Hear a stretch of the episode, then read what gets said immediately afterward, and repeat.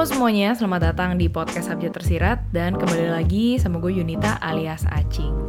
Nah, tidak terasa ya, kita sudah ada di bulan Juni di pertengahan tahun 2022. Dan gue nggak tahu ya, apakah kalian mungkin uh, selama 6 bulan ini berasa on track atau mungkin merasa pengen ngejalanin udah tahu nih goalnya apa. Cuma kayaknya banyak banget rintangan yang bikin lo jadi kayak berasa lo sendiri gitu.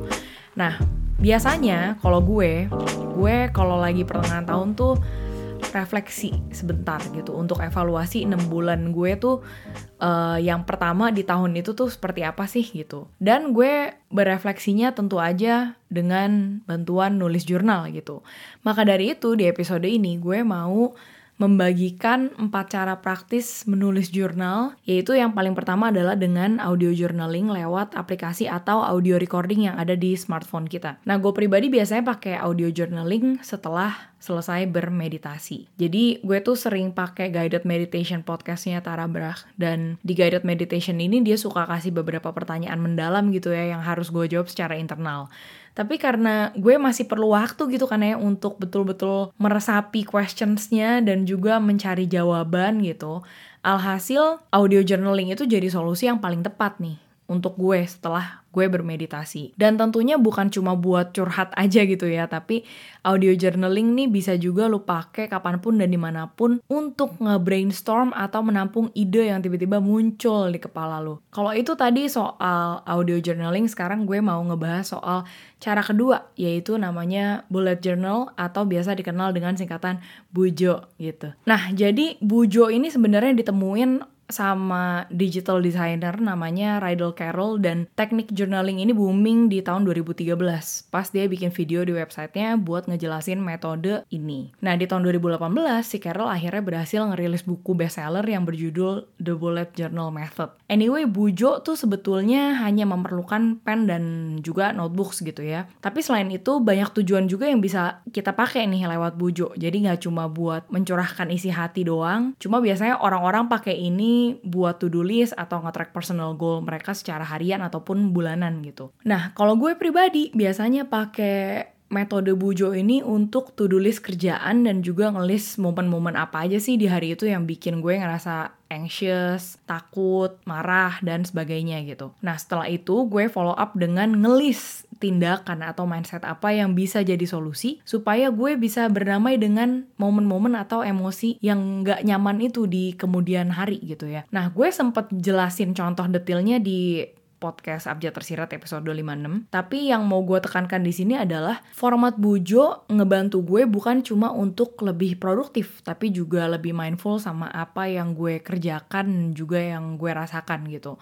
Nah, untuk kalian yang mungkin mau explore format bujo lebih dalam lagi, terus juga seneng gambar-gambar, mewarnai, rajin menghias notebook, gue saranin sih untuk kalian ngecek dua hal nih. Yang pertama adalah ngecek hashtagnya Bujo Ideas di Instagram. Dan yang kedua ngecek websitenya si Ryder Carroll, yaitu bulletjournal.com. Tulisannya B U L E T J O U R nal.com. Nah, format nulis diary secara praktis yang ketiga adalah dengan format pertanyaan. Jadi pertama kali gue nyobain format ini ketika gue menemukan bukunya Hannah Brame yang berjudul The Year of You. Jadi isinya itu ada 365 pertanyaan selama satu tahun untuk ngebantu kita mengeksplor diri dengan lebih kreatif gitu. Jadi misalnya setiap pertanyaan tuh per bulannya punya tema masing-masing. Uh, let's say di bulan Januari itu ngomongin soal identity gitu. Nah kalau misalnya di bulan Februari tuh mulai ngomongin tentang relationship, uh, bulan Maret ngomongin tentang future,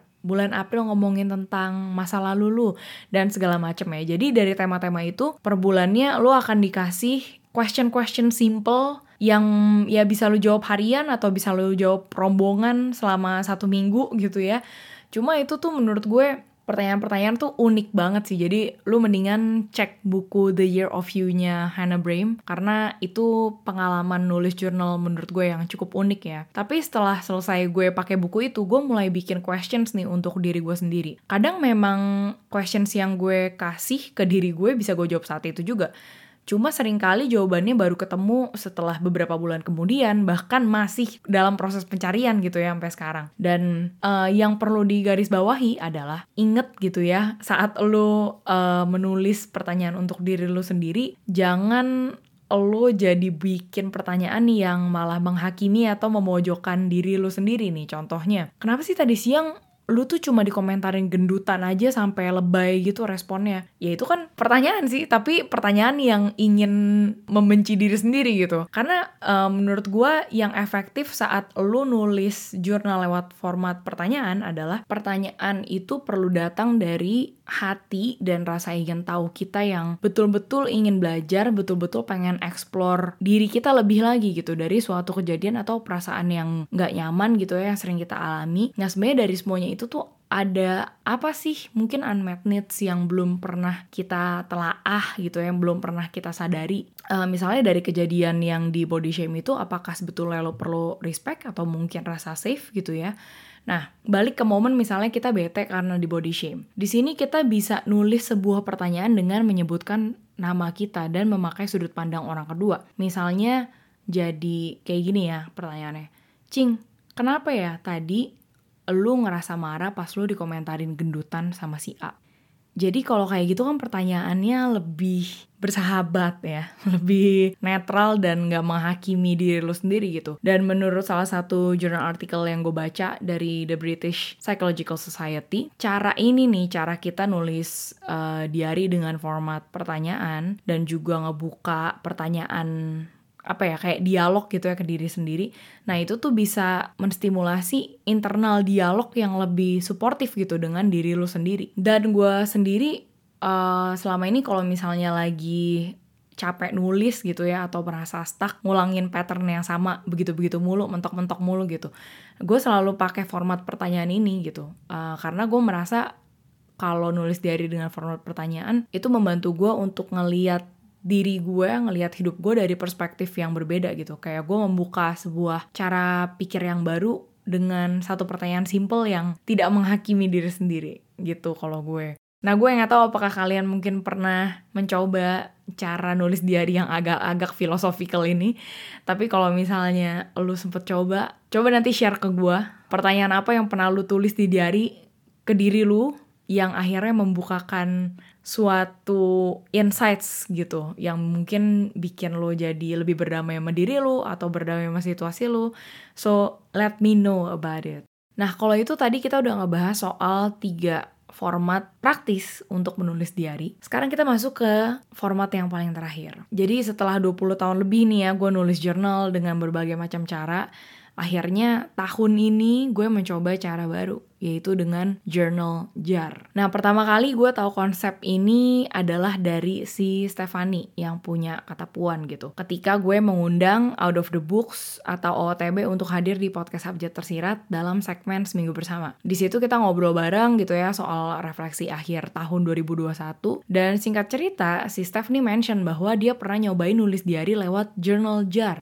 Nah, konsepnya sih sederhana yaitu kita cukup nyiapin satu jar yang nantinya kita isi dengan momen-momen apa aja yang pengen kita kenang selama setahun itu. Terus uh, kita tulis tuh satu momen per harinya di kertas kecil. Kita lipet, terus masukin ke jar. Tapi momen yang lu tulis nih nggak harus selalu momen yang menyenangkan ya. Nah kalau misalnya lu ngeliat cover art di episode ini, pasti kan lu ngeliat ya ada satu jar isinya kertas-kertas semua dan ada tulisan berbahasa Spanyol di depannya. Jadi gue mau jelasin dulu sedikit nih backgroundnya bahwa quotes yang gue pasang itu adalah quotes yang diucapin sama salah satu teman baik gue pas dulu gue tinggal di Madrid. Jadi kata-katanya kalau dalam bahasa Spanyol adalah lo que resistes persiste, lo que aceptas se transforma. Jadi dalam bahasa Inggris nih artinya what we resist persist, what we accept transform us. Nah, kenapa gue tulis quotes ini gitu ya? Karena gue mau ini jadi pengingat gitu, supaya gue bisa welcome dan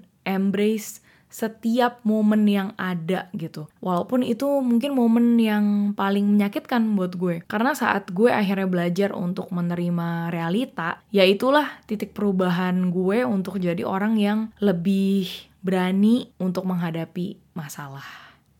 Jadi itu tadi empat cara praktis untuk kalian mungkin bisa menulis jurnal ya di pertengahan tahun ini. Ada audio journaling, ada bujo, ada pakai format pertanyaan dan juga si journal jar.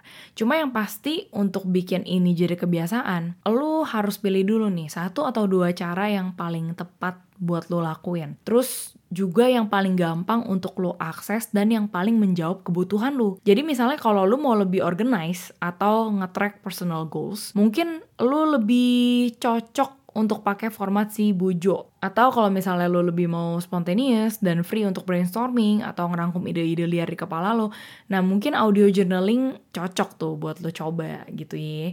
Buat kalian yang mungkin belum pernah mencoba nulis jurnal secara rutin, uh, lo bisa mulai coba dulu aja menurut gue sih pakai journal jar atau beli buku yang berisi questions diary gitu buat setahun. Misalnya dari buku yang gue pakai The Year of You gitu ya atau dari buku The Daily Stoic Journal. Nah sekarang nih gue uh, baru pakai si Daily Stoic Journal gitu. Cuma yang The Year of You kalau misalnya lu mau akses, gue waktu itu aksesnya di script.com. Tulisannya S C R I B D Com. Terus kalian juga bisa coba sediain waktu maksimal 5 menit aja. Uh, entah itu sebelum tidur atau mungkin pas lagi baru bangun tidur gitu ya. Biar seenggaknya udah dapet nih habit-habit lo menulis jurnal, merefleksi diri, kasih break gitu ya, even 5 menit di hidup lo gitu.